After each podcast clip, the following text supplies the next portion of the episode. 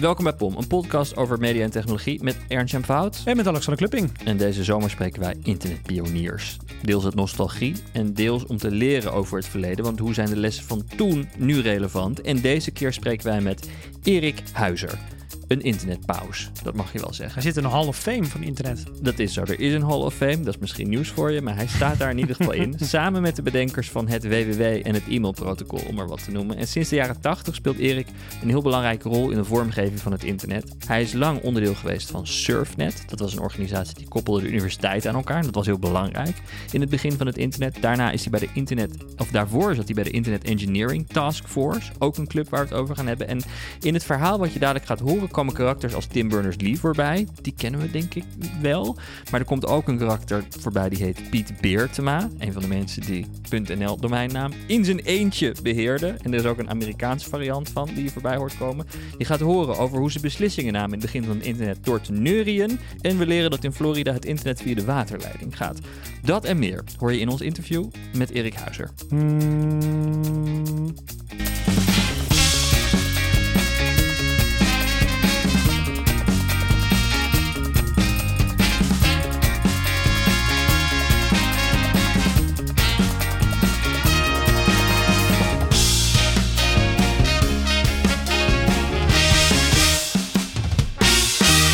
We hebben je net al helemaal geïntroduceerd en uh, de hemel ingeprezen. Dus, maar ik ben nu eigenlijk benieuwd, hoe zag jouw leven eruit voordat internet op jouw pad kwam? Wat deed je, wat deed je toen? Uh, studeren. Uh, internet kwam op mijn pad toen ik bezig was met mijn promotie. Waar promoveerde je op? Ik promoveerde in solid state physics op onderzoek naar amorfe metalen. Een vrij langdurig onderzoek, uh, een kruipmeting. Dan hang je een gewichtje aan een stukje amorf metaal en dan kijk je over een paar maanden hoe lang die wordt. Ja, en dat moest ik automatiseren. Want uh, ja, je kan niet drie maanden lang, lang daarnaast blijven zitten natuurlijk. En uh, er was niet heel veel budget, dus ik kon niet zo'n heel dure faxcomputer kopen of zo, die er in die tijd waren. Dus ik had net genoeg geld om de eerste IBM-PC's te kopen. En daar kocht ik er twee van voor dat onderzoek. En dat waren nog echt die eerste, hè, die, die hondenhokken. Uh, met echte floppy floppy disks. Hè, die, die echt floppen floppen. Uh, er is geen harddisk erin of niks.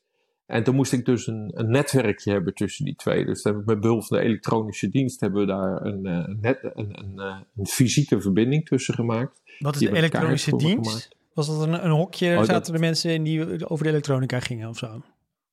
Ja, je had bij de universiteit heb je een elektronische dienst. Die helpen, ja, eh, die helpen iedereen die uh, voor zijn onderzoek uh, elektronica nodig heeft. Daar zitten mensen die snappen hoe je dat moet doen. Daar hoef je als promovendus je niet, terwijl jij je wil focussen op, op het metaal, dat je niet ook nog opeens elektrotechnisch ingenieur hoeft te worden tegelijkertijd, zeg maar. Oh ja. Dus die hebben mij geholpen om die netwerkverbinding fysiek te maken. Maar daar was je er nog niet. Toen moest er nog een protocol overheen. En toen ging ik in de literatuur duiken en dat kon toen nog niet via Google, dus dan moest je gewoon de bibliotheek in. En toen kwam ik op een tijdschrift wat net op daar op tafel lag en daar stond een heel verhaal over het internetprotocol in. En toen dacht ik, nou, dat lijkt me wel een goede. Dus dan heb ik dat internetprotocol geïmplementeerd. Dat was mijn allereerste kennismaking. Dat was 1985. Dus jij, je ging met het internet aan de slag puur omdat je twee computers aan elkaar wilde, aan elkaar wilde knopen? Ja, en dus mijn eerste kennismaking is met het protocol geweest en niet met het internet zoals wij dat kennen, met alles aan elkaar geknoopt. En even voor de leek zoals ik, wat, wat, wat is het verschil tussen het internet en het internetprotocol? Het internetprotocol is uh, wat we allemaal gebruiken om te zorgen dat we met elkaar kunnen communiceren. Um, en eh, daar zal ik straks nog wel wat anders over zeggen. Daar kan, kan je nog een paar leuke dingen over uitweiden. Maar dat is echt wat, wat, wat maakt dat we allemaal uh, over de hele wereld, dat iedereen met iedereen kan communiceren en iedereen met elke server uh, verbinding kan leggen.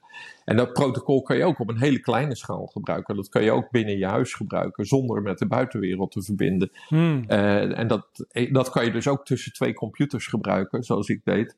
Uh, zonder uh, daar de hele buitenwereld uh, aan te koppelen. Maar dus even naar het begin, je had begin, in het begin van het internet had je dus dat het vooral een militair netwerk was, ARPA geloof ik. En toen werd het geïntroduceerd dus voor universiteiten en dat is het moment waarop jij aanhaakte. Wat daaraan greep je dan?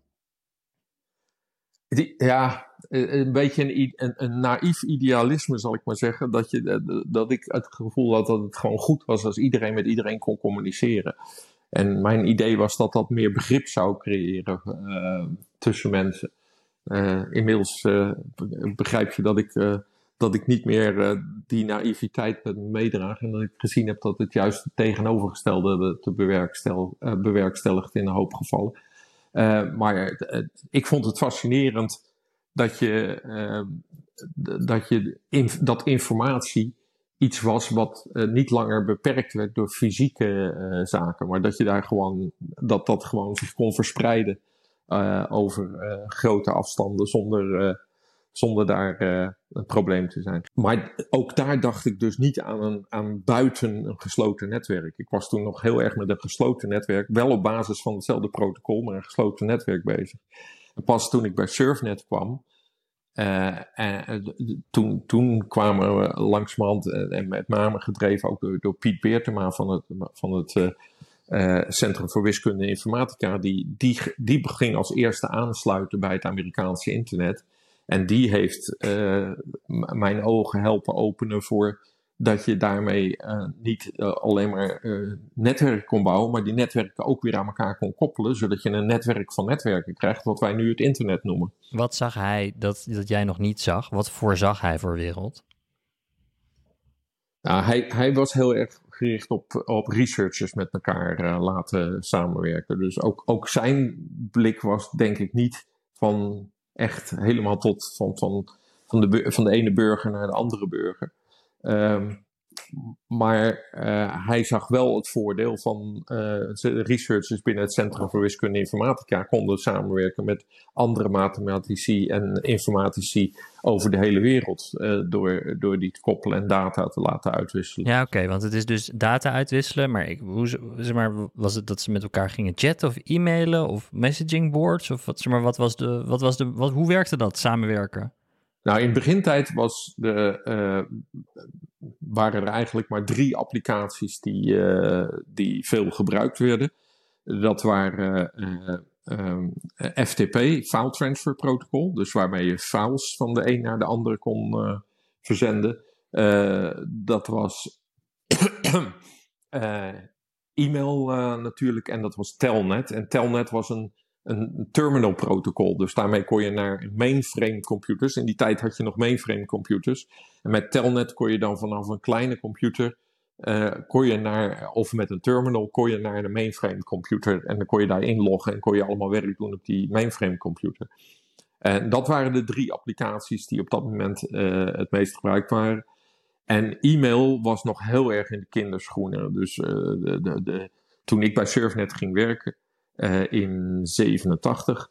Toen hadden elke universiteit had wel e-mail, maar elke universiteit had een ander protocol voor e-mail.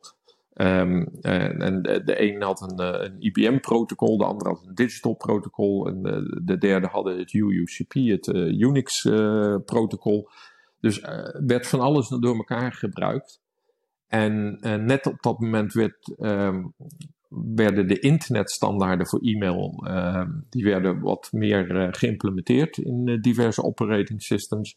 En mijn eerste klus bij Surfnet was dan ook die harmonisatie van de e-mail te doen. En dat heb ik toen samen met Piet Peertema gedaan. En dat ja, is een van de meest succesvolle projecten geweest, want de driver erachter was namelijk heel erg handig. Hè? Omdat mensen met elkaar konden communiceren, was er wel een enorme um, enorm makkelijk om mensen te overtuigen om van hun uh, uh, leveranciersprotocol af te stappen en over te gaan op, op een internetprotocol. En bovendien hadden wij daarvoor gezorgd dat er allemaal software was die ze op hun systemen konden installeren. En, en opeens ging de hele wereld open voor die researchers. Ja, want dus even, dat, even, dat, ik het, even dat ik het begrijp. Er waren dus verschillende protocollen voor e-mail. En ieder bedrijf maakte zijn eigen protocol. Die protocollen die praten niet per se met elkaar. Als ik het goed begrijp. Nee, alleen als je dan weer een gateway moet je dan weer bouwen om tussen twee van die protocollen te doen. Dat hebben we in het begin ook wel gedaan, maar je kunt je voorstellen dat is ongelooflijk ingewikkeld. om dat te doen. als een van die protocollen ook maar iets verandert, dan moeten alle gateways over de wereld weer gaan veranderen en zo. Dus dat was een onhoudbare ja. situatie. En wat was er dan fundamenteel anders aan per protocol? Zeg maar, hadden ze allemaal dezelfde type e-mailadres? Zag dat er allemaal hetzelfde nee, uit? Nee, nee. Het zag er allemaal heel anders uit. Uh, als ik me goed herinner, bij Digital was het een machinenaam, dubbele punt, dubbele punt, username. Dat was dan je e-mailadres. Jammer dat we dat niet behouden hebben. en, en, en je machinenaam die was maximaal zes karakters of zo. Dus dat was, dat was echt super beperkt. Hè? Want uh, daar kan je niet echt heel veel mee. En uh, bij, bij IBM was het ook gebaseerd op machinenamen en zo. Maar dan was het weer een heel ander format. En wat je, je kon ook bijna niks meesturen. Dus het was alleen maar tekst wat hm. je kon sturen. Van, en zeker als je van één protocol naar een ander protocol ging, dan was het echt alleen maar tekst wat je kon, uh, kon sturen. Uh, en, uh, maar het, het, internet, de, we, overigens moesten we in eerste instantie van de overheid, moesten we de, de zogeheten OSI-protocollen inst installeren. Dat, de, uh, dat waren de echte de, de, de standaarden die door de overheden gemaakt waren. Uh, door de ISO, uh, de International Standards Organization, die had die OSI-standaarden opgesteld voor e-mail. En de, de, de specifieke versie daarvan, die, die ook door KPN en dergelijke op dat moment werd aangedragen, die heette X400. En als je dan, uh, ik, ik, ik, kreeg dus als eerste die opdracht dat te implementeren en ik, en ik, uh, ik ging daarin verdiepen. Ten eerste betekende dat dat ik me moest, uh, heel veel geld over moest maken om die standaarden te bestellen. Die, die waren niet open beschikbaar. Je moest dus een paar duizend euro overmaken om eerst zo'n stapel boeken te krijgen. En daar stond die standaard in beschreven. En op het moment dat ik die boeken op mijn bureau had liggen, dacht ik ja, dit gaat nooit werken. Dit is zo complex. Als, het, als je, als je uh, iets van, van uh, wat is het, 800 pagina's nodig hebt om, uh, om een standaard te beschrijven. En, en het moet geïmplementeerd worden door mensen die ook nog een paar duizend euro op tafel kunnen leggen voordat ze die standaard zien. Terwijl die internetstandaarden, die waren op dat moment, die waren open beschikbaar. En de e-mailstandaard voor internet, RFC 822, die was nou uit mijn hoofd, ik geloof dat die 15 of 16 pagina's was of zoiets, orde grootte. Uh, en, en dat was dus echt heel erg simpel. Die kon ook veel minder dan X400. Maar de internetfilosofie was keep it simple. En probeer dan later extensies erop te zetten. Dus keep it simple, maar hou de mogelijkheid open voor extensies. Terwijl de X400, de OSI-standaard, was we proberen alles in één standaard te doen. En dat moet iedereen dan helemaal implementeren. Nou, en dat was eigenlijk, die, die strijd was toch wel vrij snel beslist, beslist in het voordeel uh, van, uh, van de internet. Als ik het goed begrijp, waren er dus overheden internationaal die zich wilden bemoeien met hoe de e-mailstandaard eruit zou gaan zien. Die hadden eindeloos met elkaar vergaderd en die waren tot 800 pagina's aan standaarddocumentatie gekomen. En toen was daar een ander clubje, als ik zo vrij mag zijn, die hebben een open standaard gemaakt voor, voor e-mail. En daar ging ja eigenlijk, uh, die ging die een beetje supporten in de juiste, in de juiste gremia. Zie ik dat zo goed?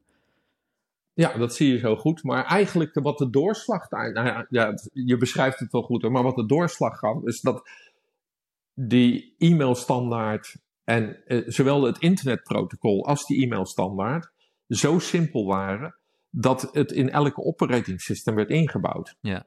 Terwijl de, de ISO-variant ervan was x25, zeg maar, voor, uh, voor het uh, versturen van bits en bytes. En daaroverheen x400 voor e-mail. En die, die waren dermate complex dat x25 is nog wel een tijd gebruikt, maar x400 is eigenlijk nooit van de grond gekomen. Dus, dat, dus de, er zijn een paar implementaties van geweest, maar die, die werkt al bijna niet samen met de andere implementaties. Want ja, dus je 800 niks. pagina's moet. Dus dat werd helemaal niks. En, en ondertussen om, had iedereen die operating systems geüpgrade. En die kregen met Unix en met uh, eh, VMS kregen ze gratis internet uh, mail erbij. En ja, dan ga je dat gewoon gebruiken. En dan is op een gegeven moment uh, alle effort om nog te proberen een overheidsstandaard te implementeren, die is dan ja. kansloos. Erik, in, met Surfnet had je in Nederland dus universiteiten en educatieve instellingen met elkaar verbonden. Maar ik, als je over jou gaat lezen, kom je ook bizarre verhalen tegen dat jij dus bij een soort clubje zat, daar, waar dan Tim Berners-Lee kwam binnengelopen. En die zei, oh, ik heb iets bedacht. Ja. Het WWW. Misschien moeten we de, het World Wide Web, misschien moeten we daar wat mee. En dat je dacht, moh, ik weet niet, ik, vind, ik weet niet of het zo goed uitgevoerd vindt. Het HTML is een beetje simpel. Maar voordat we naar, naar, naar dat specifieke moment gaan, wat was dat voor, voor clubje die wereldwijd met elkaar bedacht wat voor standaarden het internet op moest gaan draaien? Nou ja, kijk, net als dat de overheid die standaarden liet maken door het International Standards Organization, moest er natuurlijk iemand wel die standaarden voor het internet uh, neerzetten. En het internet is natuurlijk één grote anarchie. Hè? Het, mooie van het internet en daarmee ook uh, uh, het, het zwakke van het internet, is dat er geen centrale governance is. Het is, er is iedereen kan het internetprotocol implementeren en iedereen kan een netwerkje opzetten. Uh, het, uh, op het moment dat je je, je oortjes verbindt met je, met je telefoon, draai je over Bluetooth, draai je ook IP, draai je ook het internetprotocol en heb je een lokaal netwerkje. Daar ben jij de autoriteit van, van dat netwerkje. Je koppelt het met andere netwerken, maar daarmee geef je niet je autoriteit uit handen. Dus, dus uiteindelijk is, zijn het, is het internet een verzameling van netwerken die op vrijwillige basis met elkaar koppelen. En die elk hun eigen autoriteit en autonomie behouden. Uh, er is geen centrale uh, organisatie. Maar standaardiseren is toch wel handig als je daar met elkaar consensus over krijgt. Want als iedereen een andere taal praat, dan wordt het erg lastig communiceren. Dus wat daar ontstond was de Internet Engineering Task Force. Dat is een, uh, een clubje die heel low-key begonnen is, waar mensen bij elkaar kwamen die, uh, die allemaal wat zagen in dat internetprotocol en die bereid waren om daar in werkgroepen met elkaar te werken, om dan standaarden op papier te zetten en die, uh, en die dan ook weer gratis beschikbaar te maken. Dat is het mooie, denk ik, van, van het systeem. Um, ik ben zelf voor het eerst bij een IETF geweest in Vancouver in 19. 87, denk ik. Nee, 89. In 1989 ben ik bij uh, de ITF geweest. En toen was het nog een heel klein clubje met 120 man die bij elkaar kwamen. Uh, letterlijk mannen, toen toch? Ik daar, ja, ja, letterlijk mannen, helaas. Okay. Uh, dat was wel zo. Maar het was een conferentie. Ging... Dus in een zaal en mensen. Nou, Nee, het is niet een conferentie, want het, het, het echt zijn werkgroepen. Dus je komt, uh, je komt specifiek voor, voor werkgroepen om met die, werk, die werkgroep aan een specifiek probleem te werken. Dus of aan e-mail, of aan telnet, of aan FTP, of aan HTML, of aan IP, of aan wat dan ook. En uh, er zijn geen presentaties. Het is, gaat echt om discussies. van tevoren wordt er een nieuwe draft, een nieuw concept wordt er neergelegd. En je gaat dus echt in discussie over de ins en daarvan. En het aardige van die internetstandardisatie is, eh, wat een echt een briljante zet is geweest, vind ik, is het proces. Het proces wat we daar bedacht hebben. En daar ben ik zelf uh, nogal verantwoordelijk voor geweest. Want ik ben toen me heel erg erin gaan verdiepen. En ik heb toen geholpen om dat proces te definiëren. En ik ben ook auteur van de eerste uh, standaard waarin de standaard zelf werd beschreven. Hoe, hoe dat werkt. Um, en wat we namelijk deden was, we zeiden van nou in die werkgroepen uh, werk je naar consensus toe. Uh, als je consensus hebt, dan wordt er een kwaliteitsslag overheen gedaan door een uh, onafhankelijke club. Die heet dan de stuurgroep. Daar heb ik ook een tijd in gezeten. En daarna wordt die gepubliceerd als een conceptstandaard. Nog niet als een standaard, maar als een conceptstandaard. En die onder een RFC-nummer, Request for Comments. en dat, dat is een eh, een serie waarin alle standaarden worden gepubliceerd. Als die uh, standaard dan gepubliceerd is, dan uh, moeten er vier onafhankelijke implementaties van zijn voordat hij naar uh, een stapje hoger kan. En dat is dat het een, een proposed standard is. En als je dan, dus dan betekent dat tussen een draft standard en een proposed standard moeten dus vier implementaties zijn. Dat betekent dus dat je vier onafhankelijke mensen die hebben die standaard gepakt, die hebben de software van gemaakt. En die kunnen dus feedback geven van joh, dit werkt niet, dit werkt wel, waardoor je hem kunt verbeteren. Dus dan publiceer je een nieuwe versie, dat is de draft versie, uh, uh, uh, sorry, de proposed versie. En dan moet je nog een keer twee onafhankelijke implementaties daarvan hebben. En dan is het echt een standaard. En uh, daar, de, daar zit dan ook een maximale periode tussen. Dus als je op een gegeven moment geen implementaties krijgt, dan wordt die ook afgevoerd. Dan is het gewoon geen standaard meer, want dan is er kennelijk geen belangstelling voor, want niemand implementeert het. En waarom en dat je er trots maakt op? Het, omdat het heel concreet wordt daardoor. Het is niet zoals ISO deed. Die, die gingen, eh, allemaal geleerde mensen, die overigens heel slim waren, die gingen bij elkaar zitten en die bedachten iets fantastisch. Maar er zat geen enkele terugkoppeling naar de praktijk. Nul. Terwijl hier had je dus de terugkoppeling naar de praktijk er heel duidelijk in zitten in het standaardsproces. Waardoor de kwaliteit van die standaarden dus ook steeds beter werd. Maar bovendien er ook um, in die standaarden heel vaak gelijk implementatieadviezen bij kwamen. Uh, waardoor je, als je het, uh, bijvoorbeeld als je SMTP gaat implementeren, het Simple Mail Transfer Protocol, wat nog steeds de basis is voor e-mail op het internet, dus als je die standaard doorleest in de laatste versie, dan zie je dat er heel veel implementatieguidelines staan, waardoor het voor een softwareontwikkelaar heel makkelijk is om die standaard ook te implementeren. Dus je hebt dan ook niet echt besluitmomenten van nu gaan we met z'n allen stemmen of zo. Het is meer, we kijken wel wie het oppakt. En als nee, genoeg mensen het oppakken, dan, uh, gaat het, dan wordt het iets. Het, het klinkt gek, maar consensus werd eigenlijk gedaan door neurien. Neurien? Ja. Ja, klinkt inderdaad gek, Erik. Ja. Vertel. Nee, maar op een gegeven moment.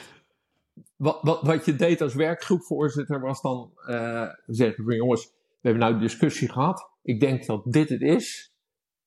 Zijn er genoeg mensen in de zaal die uh, denken dat dit uh, goed is? En dan gingen mensen neurien. En als je maar genoeg volume kreeg, dan, dan wist je dat, je dat je consensus had. En dit was dan in die zaal met die 189 mensen erin? Nee, want... Alleen maar in de werkgroep? Alleen maar in de werkgroep zitten 20 of 25 mensen. En dan was je een beetje volume aan het meten. Ja. Maar uh, oké, had jij dan een bepaald deuntje dat je neuriede? nee, nee, nee. nee het was meer zo, mm, zo gewoon. Gewoon monotoon geluid. jij, had wel, jij had wel graag gehad dat er daar een heavy metal dreuntje, deuntje ja, Iedereen zijn eigen touch. Zijn, maar waarom neurden jullie in plaats van uh, gewoon stemmen of, of wat dan ook? Ja, kijk, we wilden echt. Eh, het ging echt om consensus en om ruwe consensus. Het ging niet om de. dus je wilde niet stemmen en dan had je dan eh, zeg maar 49 versus 51 zou krijgen. Je wilde echt de indruk krijgen dat het grootste gedeelte van de zaal uh, ervoor was. En doe je dat nog steeds iemand heeft in overleg dat je dan gaat neurien? nee, ik doe het niet. Okay. het was daar was het, het gebruik door dat. Ja, en, en de, de, de, de, de, de strijdkreet, even kijken of ik hem kan, kan, nog kan reproduceren, waar, dit, waar we ook mee rondliepen op onze t-shirts, was ook van We reject kings and voting and we, we believe in rough consensus and, and running code. En was dat dan echt een tegen, was, tegengeluid voor die, voor die, voor die ISO-achtige clubs? Ja, absoluut. Ja. Absoluut. Het was de, de bellheads, hè, dat waren de, de, de KPN'ers, dus dat waren die van de, de ISO en zo, versus de, de, de netheads. Ja, ja. Uh, netheads. Uh, Dus eigenlijk gewoon het groot kapitaal versus de, de anarchistische nerd, als ik het goed begrijp. Ja, ja. Maar als je dan kijkt wat er later is gebeurd, heeft het kapitaal natuurlijk toch gewonnen op het internet. Hey, en als je, nu, als je nu terugdenkt aan die specifieke tijd, wat vind je dan nu wonderlijk wat je toen heel normaal vond? Ah, dat zijn zoveel dingen. Weet je, in die tijd kende je eigenlijk bijna iedereen op het internet. Dat klinkt heel lullig, maar dat is echt zo. Je kende, de eerste keer dat er spam werd verstuurd, was gewoon de manier waarop je er reageerde, was dat je gewoon de telefoon pakte en diegene opbelde en zei: Wil je dat nooit meer doen? dat, is, dat is, ja, dat is. Uh, uh, zo, zo, zo ging dat in die tijd. er was, was natuurlijk een, een, een, relatief kleine club mensen die daar heel actief uh, mee bezig was. En wat toen normaal was, was dat we met z'n allen echt ervoor gingen dat alles zo transparant en open mogelijk moest zijn. En zo gratis uh, beschikbaar en simpel te implementeren, zodat het ook in Afrika geïmplementeerd kon worden. Hè, dat het overal in de wereld geïmplementeerd kon worden. Het idee was wel heel erg van, bij de ITF van we willen dat de hele wereld met elkaar kan communiceren. En um, nogmaals, dat, is, dat, is, dat is, was wel naïef, maar het is wel een soort naïviteit waar ik toch wel een beetje trots op ben, zal ik maar zeggen. Dat is al wel de, de, in basis een heel goed, heel goed idee. Dat de wereld helaas anders in elkaar zit en dat dat je mensen hebt die, die misbruik maken van het internet en overheden het gebruiken om mensen te controleren en journalisten af te luisteren en dat er hackers zijn en dat commerciële platformen zijn die al je data gaan stelen. Dat is er natuurlijk allemaal bijgekomen. Uh, en dat hebben we allemaal in die tijd helemaal niet voorzien. Uh, maar ik blijf erbij dat die basisuitgangspunt van iedereen moet met iedereen kunnen communiceren op een zo makkelijk mogelijke manier, dat dat toch een goed uh, uitgangspunt is geweest. En even een heel domme vraag hoor, maar jullie als, als taskforce, hoe dwongen jullie dan je autoriteit af? Dus jullie namen een besluit tot het maken van ontwikkelen van bepaalde standaarden? Niet, niet. Nogmaals, zoals ik net zei, het internet heeft geen centrale autoriteit. Er is geen internetpolitie. En als iemand dus zo in plaats van het internetprotocol uh, het XP-protocol wilde implementeren, be my guest. Alleen je kan met niemand anders communiceren als je dat doet. Ja, ja dus je waren met genoeg mensen wereldwijd op goed, belangrijke plekken die, die zelf die standaarden konden implementeren en daardoor consensus afdwongen eigenlijk. Ja, ja. ja. Ja, want ik heb dit altijd opvallend gevonden aan het internet. Dat als je een beetje gaat terugzoeken naar, de, naar wat nou eigenlijk de ruggengraat van het internet is, dat er allemaal niet-commerciële clubs zijn, zoals jouw uh, uh, uh, ITF, maar ook ICANN. Ah, IETF, ja. Sorry, IETF, ja. maar ook ICANN, W3C, IEEE e en IANA. Zijn allemaal van die clubs ja. die, die, die je tegenkomt. Zou je ons eens een soort spoedcursus kunnen geven in hoe de niet-commerciële ruggengraat van het internet eruit ziet? Allemaal clubs die toen begonnen zijn, maar die nog steeds een grote rol spelen in hoe uh, nou ja, hoe het internet op de achtergrond doorgetimmerd wordt. Hoe werkt dat? Ja, daar heb je, daar, heb je helemaal gelijk in, Alexander. Als, uh, zonder die uh, non-profit clubs, en ik zou zelfs willen zeggen zonder één of twee individuen in de wereld, zou het hele internet tot stilstand komen. En dan zouden zelfs de Googles en de Microsofts en de Apples en de uh, Amazons niks meer kunnen. En dat is eigenlijk wel heel raar dat deze topcommerciële bedrijven, hun succes zit op een infrastructuur die uh, geheel door non-profits wordt uh, gerund. En uh, dan heb je dus de AITF voor de standaarden. Maar naast standaarden heb je ook nog andere dingen die je toch wel wil coördineren. En nogmaals, we hebben geen centrale politie. Dus ook daar moet je weer een, een, soort consensusorganisatie opzetten. En ICANN, de Internet Corporation for Assigned Names and Numbers, is er ook zo eentje. Uh, die heb ik mee helpen oprichten. Dat is een club die we hebben opgericht die uh, gaat over de domeinnamen. Uh, domeinnamen kennen we allemaal. NOS.nl, NPO.nl, noem het maar. dat zijn domeinnamen, maar je hebt ook .com domeinnamen en .de voor Duitsland natuurlijk enzovoort. En um, die werden vroeger allemaal beheerd door één man, John Postel, uh, van de Universiteit van Californië. En um, uh, die, uh, die beheerde dan wat wij noemen de top level, de root. Het is heel raar, want je, de top level klinkt alsof het bovenin zit en de root klinkt alsof het juist helemaal onderin zit. Maar zo heet dat nou eenmaal in het DNS, heet dat de root. En daaronder die root zat dus .com, .edu, .net of een landencode.nl.de enzovoort. Uh, maar er was, op een gegeven moment kwam er enorme druk van uh, de commerciële wereld uh, om wat aan die domeinnamen te gaan doen. En even een leuke anekdote tussendoor. ik was op een IETF in Atlanta. In, net voordat de Olympische Spelen in Atlanta waren. Dus ergens in 96 of zo, denk ik. Mm -hmm. um, en ehm, toen kwam daar in één klap, uh, uh, ik, ik, was met John Postel aan het praten en uh, die, die zei van ja, ik heb in één klap 3000 domeinregistraties gehad onder .com. allemaal van Procter Gamble. Mm -hmm. Die hebben shampoo.com, shampoo babysoap.com, noem maar op, hebben ze allemaal geregistreerd. En dat was omdat de URL uh, toen net geïntroduceerd werd. En in de URL zit natuurlijk die domeinnaam zit als deel erin. Dus het werd in plaats van wat het tot dan toe was, gewoon iets om handig te onthouden waar een server stond, dat je niet een IP-adres hoefde te onthouden, werd het opeens een marketinginstrument. En uh, ik, ik realiseerde me opeens wat een impact dat had. En ik belde terug naar, naar, naar Surfnet uh, en, uh, in, in Nederland en ik zei, we moeten als de wiede weer gaan surf.net gaan registreren. We hadden al surfnet.nl. Maar ik dacht, laten we nou even gauw surf.net registreren voordat een of ander commercieel bedrijf dat gaat uh, gebruiken en surfnet buitenspel staat op uh, surf.net. Wat ik natuurlijk had moeten doen, jongens, en, en de, dit geeft me aan hoe weinig uh, ik in de toekomst kan kijken. Ik had natuurlijk sex.com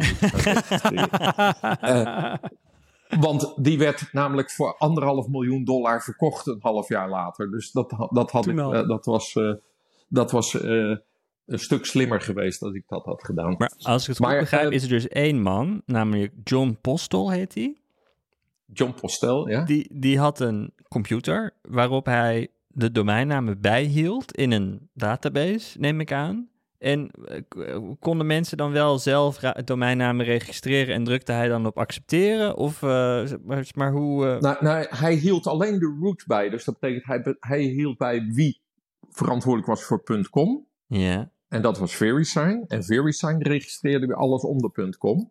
En hij hield bij wie verantwoordelijk was voor .nl. Ja, ja. En dat was op dat moment Piet Beertema. En Piet Beertema zorgde dan weer voor alle registraties in Nederland. Dat dus, die uh, gedaan werd. Dus Piet die had een website waar mensen dan hun .nl-domein konden aanvragen. Ja.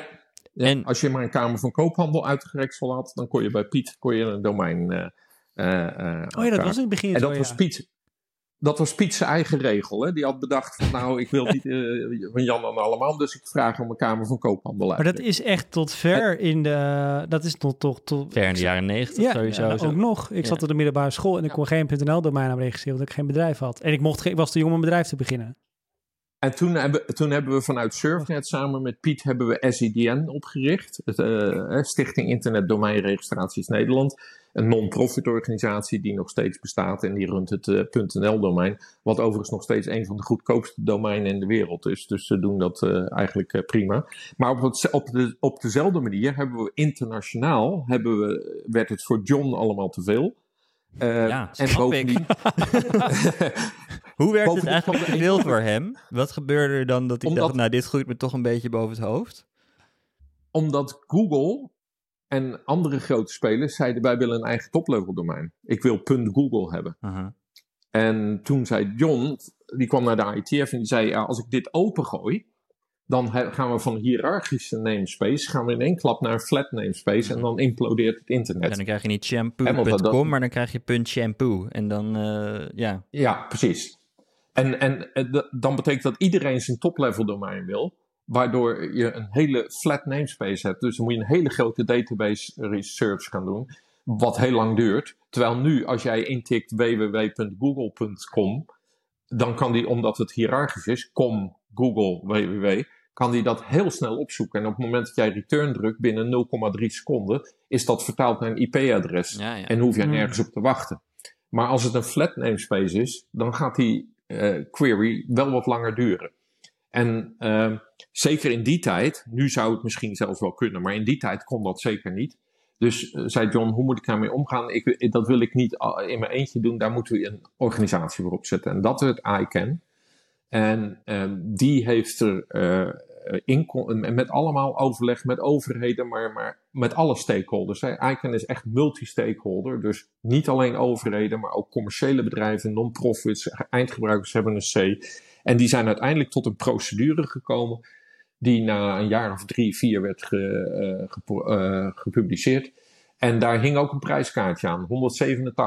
187.000 euro om een top-level domein te registreren. Ja. En dat prijskaartje, uh, dat is uh, een van de redenen om te zorgen dat het daarmee die flat namespace een beetje werd ja. Dat ontmoedigt een beetje. Want, maar er zijn heel veel, heel veel ingangen die ik nu in zou willen gaan. Om te beginnen bij de .nl. We komen daar terug bij de spoedcursus hoor. Maar het .nl ding, er is dus er was een man, die heette Piet Beertma. Die beheerde alle domeinnamen voordat de SIDN dat, over, dat overnam.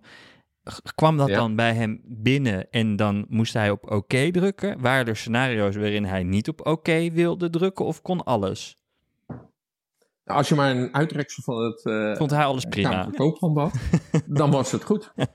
En, en, en, en dat van die Kamer van Koophandel heeft hij erin gezet omdat hij niet uh, daarmee had hij een objectief criterium, snap je? Hij wou niet verantwoordelijk zijn voor ethische beslissingen en van wat kan wel en niet. Dus hij dacht, nou laat ik nou iets heel simpels pakken. Als jij een Kamer van Koophandelregistratie hebt, dan kan je hem krijgen. Ajax.nl, wie krijgt Ajax.nl? De brandblusser? Ja. Uh, of uh, de schoonmaakmiddel? Of uh, wat heb je nog meer wat Ajax heet? Uh, ik weet het niet goed. Ik, ik kom niet zo vaak in Amsterdam. Ja, een derde ding. Ja, ja. ja dus, en, maar daar, daar hield, hield uh, Piet zich verre van. De Ja. eerste die kwam met een Kamer van Koophandel uitreksel, die had Ajax.nl. Maar als Procter Gambler dan kwam en die wilde Unilever.nl registreren, mocht dat dan uh, niet van Piet?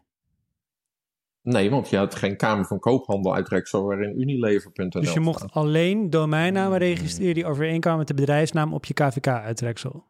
Ja, ja. Ah. Er mocht wel een afkortingje van zijn, maar het moest wel. eh, ik pak even wat water ondertussen.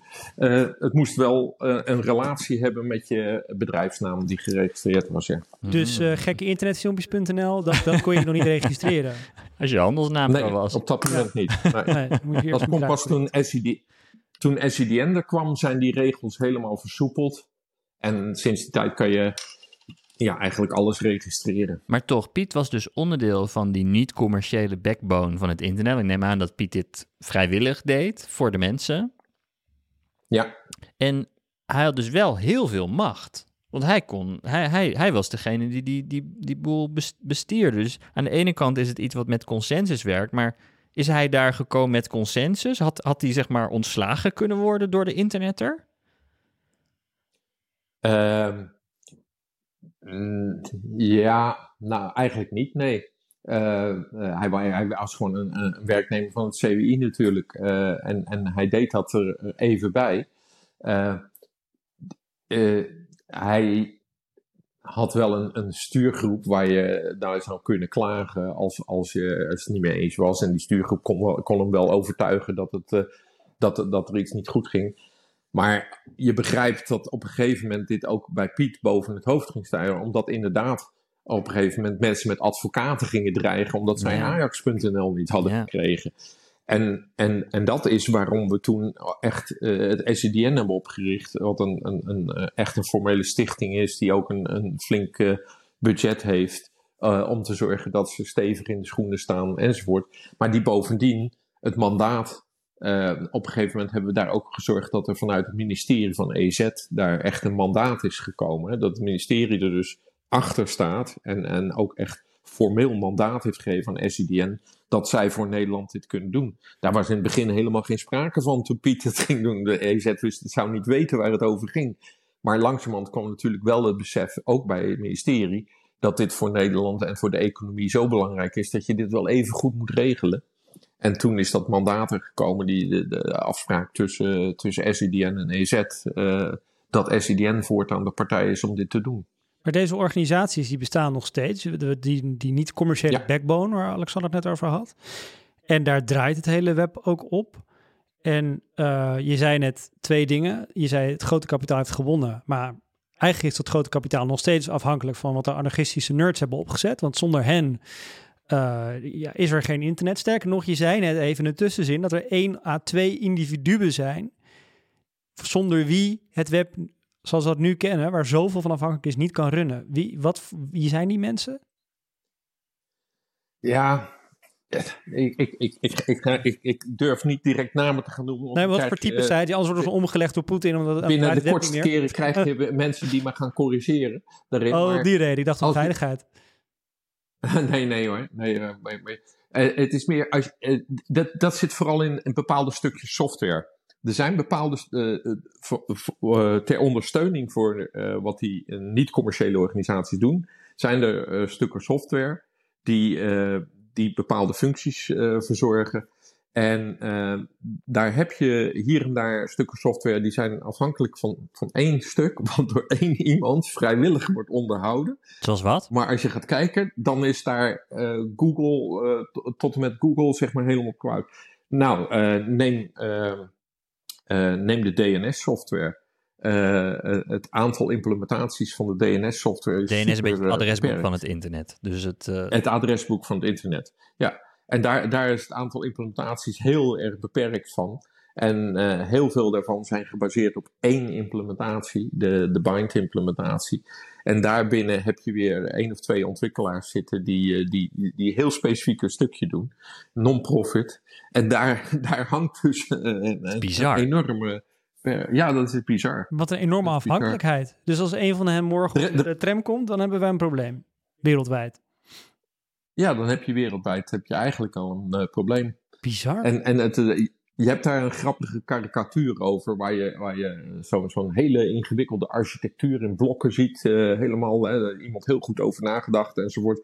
En dan zie je daaronder zie je dan één heel dun pilaartje.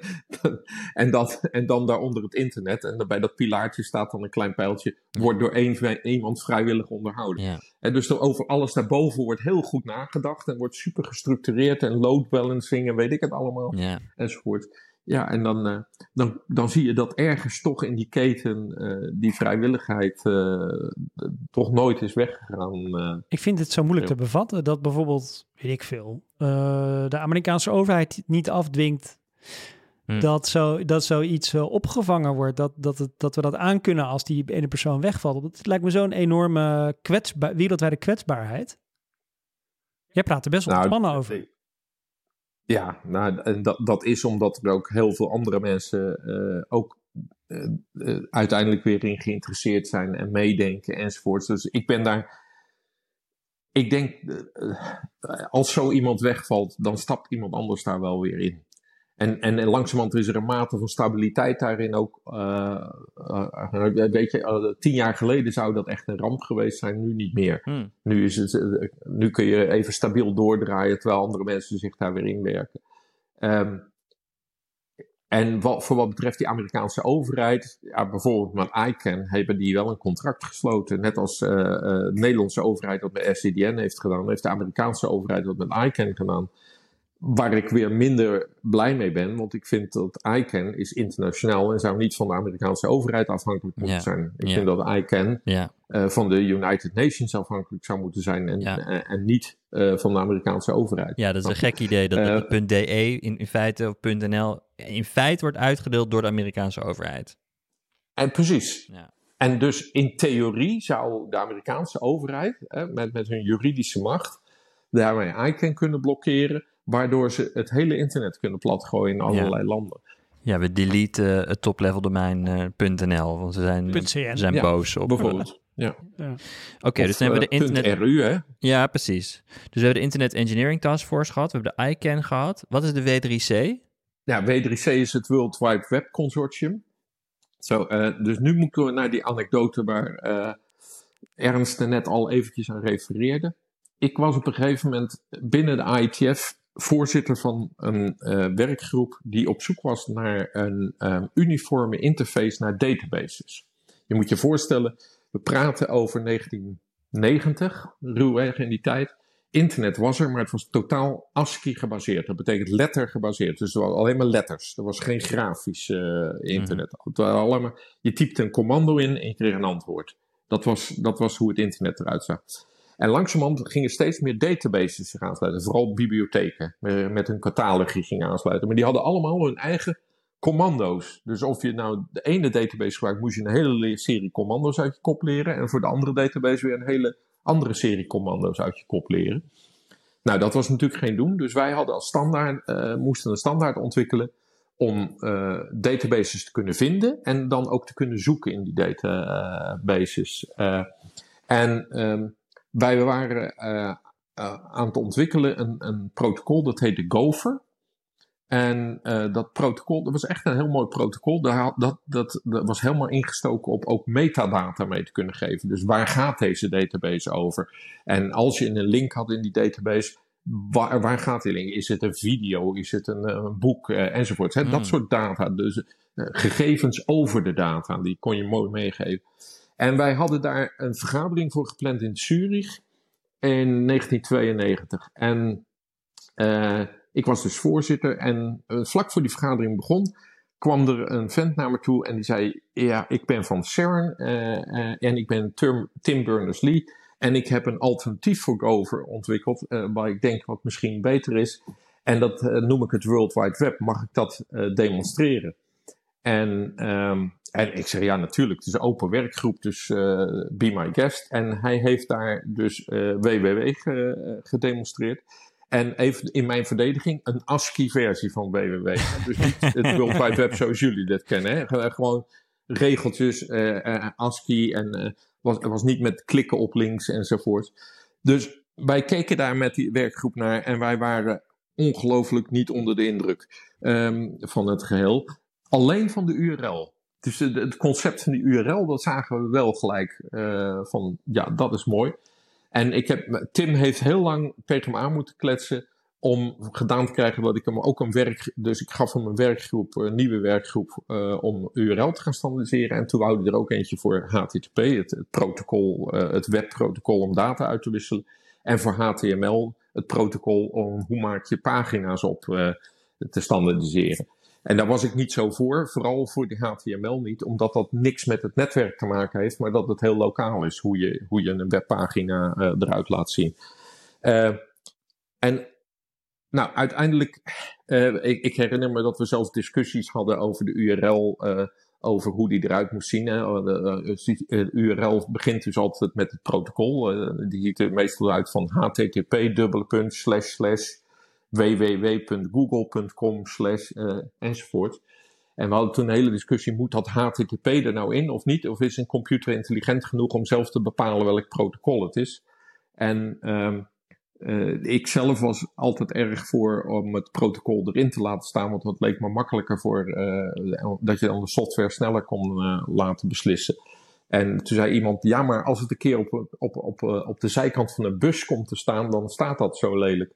En toen moesten wij heel hard lachen, want het idee dat je een URL op de zijkant van een bus zou zetten, dat was natuurlijk uh, echt belachelijk. Dat je dat überhaupt zou willen. Wie zou dat nou willen? Dat je dat, ja, ja. Nou, het heeft een jaar geduurd, geloof ik, voor ik de eerste bus zag met een URL erop. Dus de, maar ik vind dit toch fascinerend. Er is dus een, ja, en, en, en vergeef me de, de, de soort van kinderlijke naïviteit hierover, maar er is dan dus een meeting waar een aantal mensen bij elkaar komen, waaronder dus Tim Berners-Lee die dan gaan bedenken hoe de URL eruit gaat zien.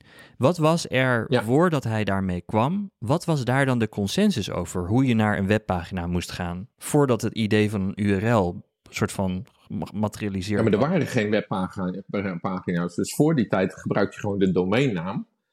En uh, dan ging je met Telnet ging je naar, uh, de, domein, naar een database toe. En dan moest je die commando's uit je kop leren om te kijken wat er in die, überhaupt daar te vinden was. En wat was het probleem dat hij probeerde op te lossen met het idee van een URL?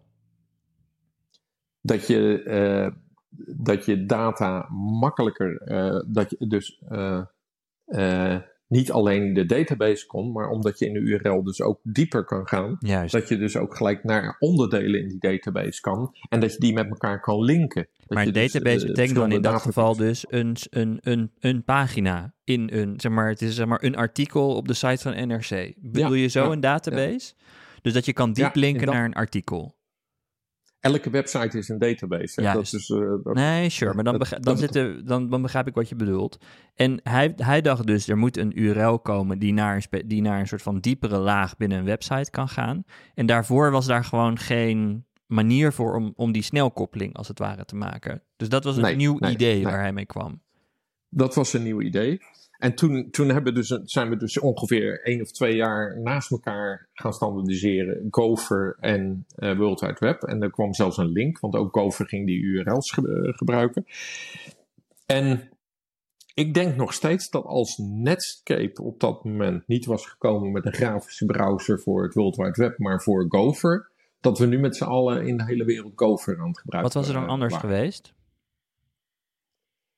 Um, dan hadden we niet eh, door twee versies heen hoeven te gaan voordat we ook metadata mee konden geven. Ja. Uh, hè, want de, de, bij Tim zat een, was niets ingebouwd voor metadata en bij Gopher wel.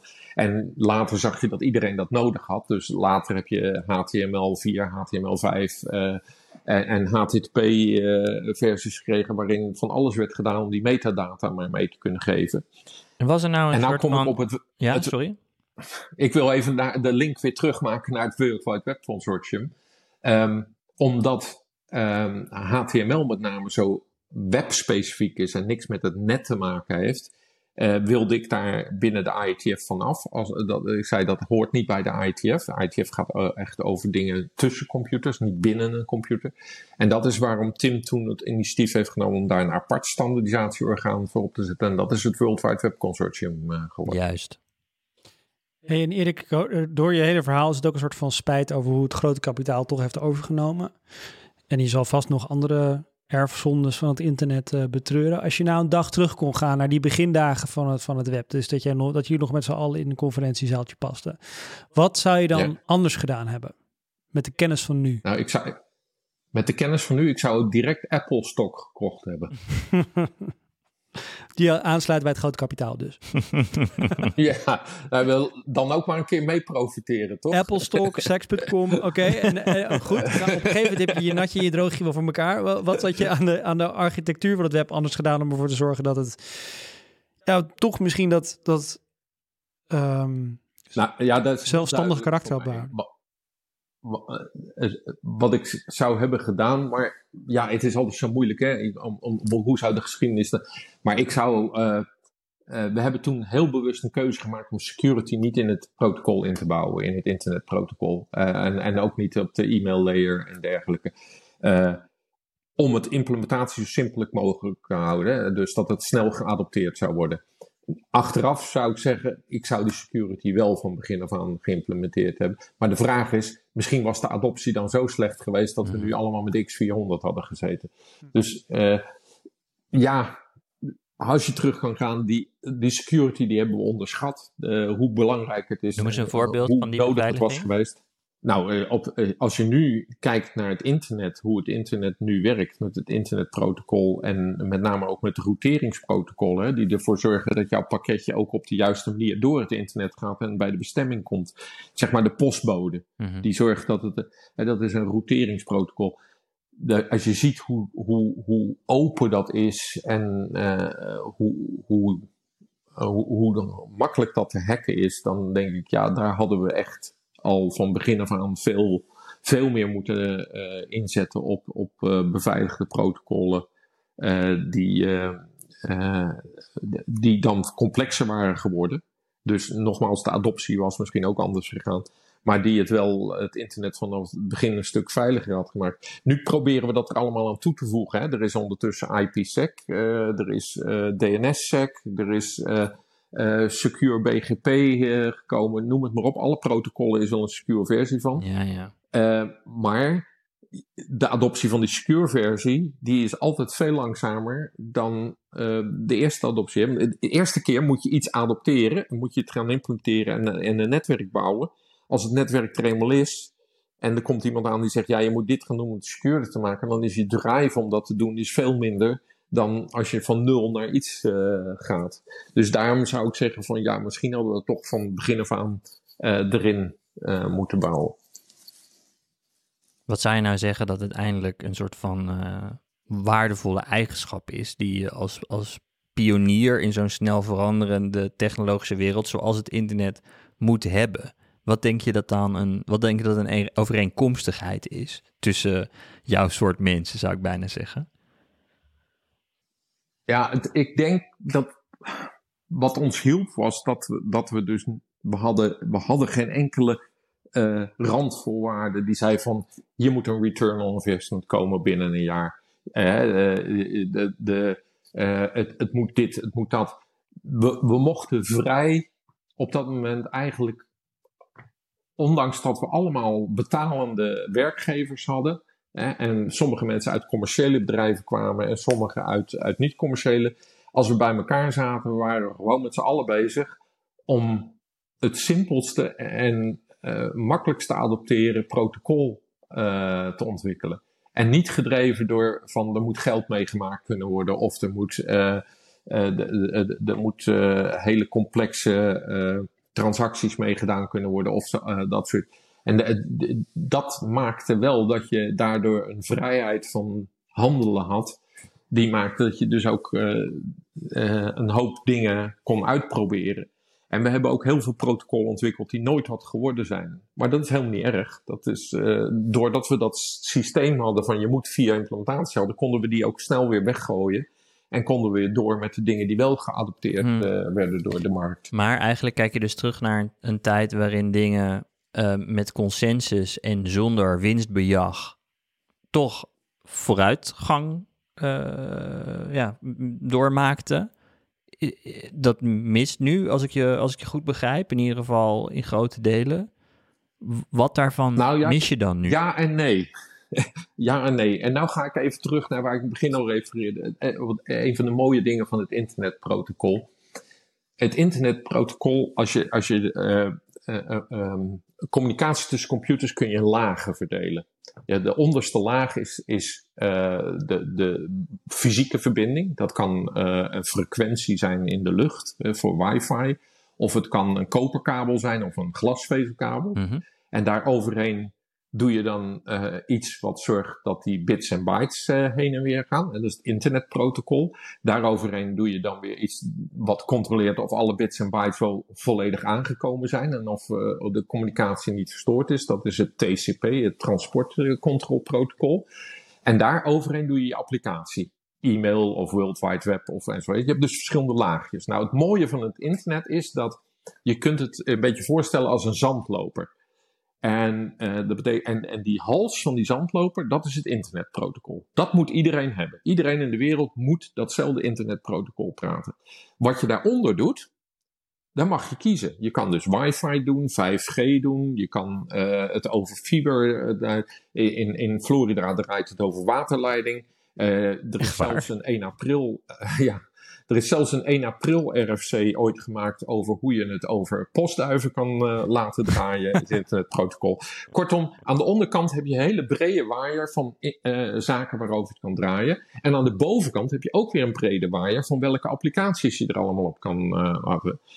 En de, je kan daar Telnet op doen, SMTP, dus e-mail. Je kan er file transfer protocol op doen. Je kan World Wide Web op doen, enzovoort. Um, en dat vind ik het mooie van het internetprotocol. Waar we intussen ingegroeid zijn, is dat iedereen alles bovenop www doet. Dus www is langzamerhand in plaats van het internetprotocol aan het uh, gekomen. Wat vaak onnodig veel overheid met zich meebrengt, omdat er gewoon dingen zijn die je gewoon veel beter direct op het internetprotocol uh, uh, kan doen. Um, en, en dat zijn van die ontwikkelingen waarvan ik denk van daar zouden een aantal mensen uh, weer eigenlijk terug moeten, twintig jaar in de tijd. En leren hoe de hele protocolstack in elkaar zit. En hoe je efficiënt iets kan bouwen. Terwijl nu heel gemakzuchtig, omdat iedereen, uh, er zijn zoveel tools en het is zo makkelijk om iets over het web neer te zetten dat, je, dat iedereen dat ook doet. Hè? Dus iedereen gebruikt nu HTTP als basis. Eh, ik bedoel, eh, als je op je iPhone kijkt, uh, alle apps zijn, zijn daar ook op gebaseerd. Zo'n beetje. Terwijl je, het zou efficiënter kunnen in een heleboel gevallen. En ook veel beter kunnen. Als, als, als een, een, een, aantal van die ontwikkelaars iets meer tijd zou nemen om ook werkelijk zich te verdiepen in hoe, hoe de internetprotocol stack in elkaar zit. Waarom waren, het eigenlijk allemaal mannen in het begin? Ik zit er nog een beetje mee. Wij merkten het ook bij deze serie dat we eigenlijk alleen maar, bijna alleen maar mannen konden vinden als het over echt de begindagen van het internet ging. Ja, in de ITF was dat niet helemaal, maar gelukkig in mijn stuurgroep zat ook uh, één vrouw. en, uh, 180. nou, het was wel iets meer dan dat. Het was, ik, ik denk uh, zo rond de 5 procent. Uh, maar uh, veel te weinig natuurlijk. En, en, maar er waren er echt wel een paar die ook een keyrol speelden. Uh, Joyce Reynolds is jarenlang de, de, de RFC-editor geweest. Dus zij was verantwoordelijk voor de kwaliteit van de standaarddocumentatie. En heeft daar een ongelooflijk goede rol gespeeld om die, die ook heel solide te maken en heel betrouwbaar te maken, die serie en zo. En dat vereist een enorme kennis van alle protocollen. Hè? Want je moest dus al, uh, al die standaarden, de kwaliteit van, dus moest al die protocollen ook snappen en, enzovoort. Dus uh, dat, zijn, dat soort mensen die zijn, die zijn ook goud waard geweest. Recent, meer recente IETF's, ik ga er niet meer naartoe, maar meer recente IETF's, daar komen 3000 mensen. Dus niet meer 120 mensen, maar er komen 3000 mensen. En uh, ik heb begrepen dat daar ook het aandeel van, uh, van vrouwen in, in enorm gestegen is. Dus het is niet meer 5%, maar dat gaat echt wel richting de 30%. Het is nog geen 50%, maar het gaat wel de goede kant uit. Kom je nog wel eens bij elkaar met mensen die vroeger uh, zeg maar heel vaak zag in, in, in schema die we vandaag besproken hebben. En haal je er nog wel eens verhalen op over, over vroeger? Ja, er is een, uh, er is een, uh, een, een, een Facebook-boekgroep die heet Internet Old, Old Farts. Hè, dus de oude, de oude scheten. Yeah. Um, en, en die organiseren twee keer per jaar ook een, een online videoconferentie dat we met elkaar een beetje nostalgisch gaan zitten uh, oplepelen. Maar ook wel soms hele felle discussies hebben over wat er nu uh, gaande is en hoe dat moet verbeteren. Of wat we vroeger beter hadden moeten doen uh, en, en zo. Dat, dus ja, we, we, komen. En, en ik had laatst zelfs een live bijeenkomst een maand of twee geleden in Duitsland. Uit, op uitnodiging van de Universiteit van München waren we met, uh, met een heleboel kopstukken van 40 jaar geleden waren we bij elkaar om, uh, om precies dat te bespreken. Wat hadden we anders moeten doen? En wat zouden onze aanbevelingen zijn voor het moderne internet? De pioniers van het internet die zo strijden voor het non-profit karakter komen bij elkaar in een Facebookgroep. Ik denk dat ik moet, moet leren leven met tijd. Dankjewel Erik dat je ons even wilde spreken voor deze spoedcursus internetnostalgie. Dankjewel. Ja, graag gedaan. En uh, voor de rest van de luisteraars, tot volgende week.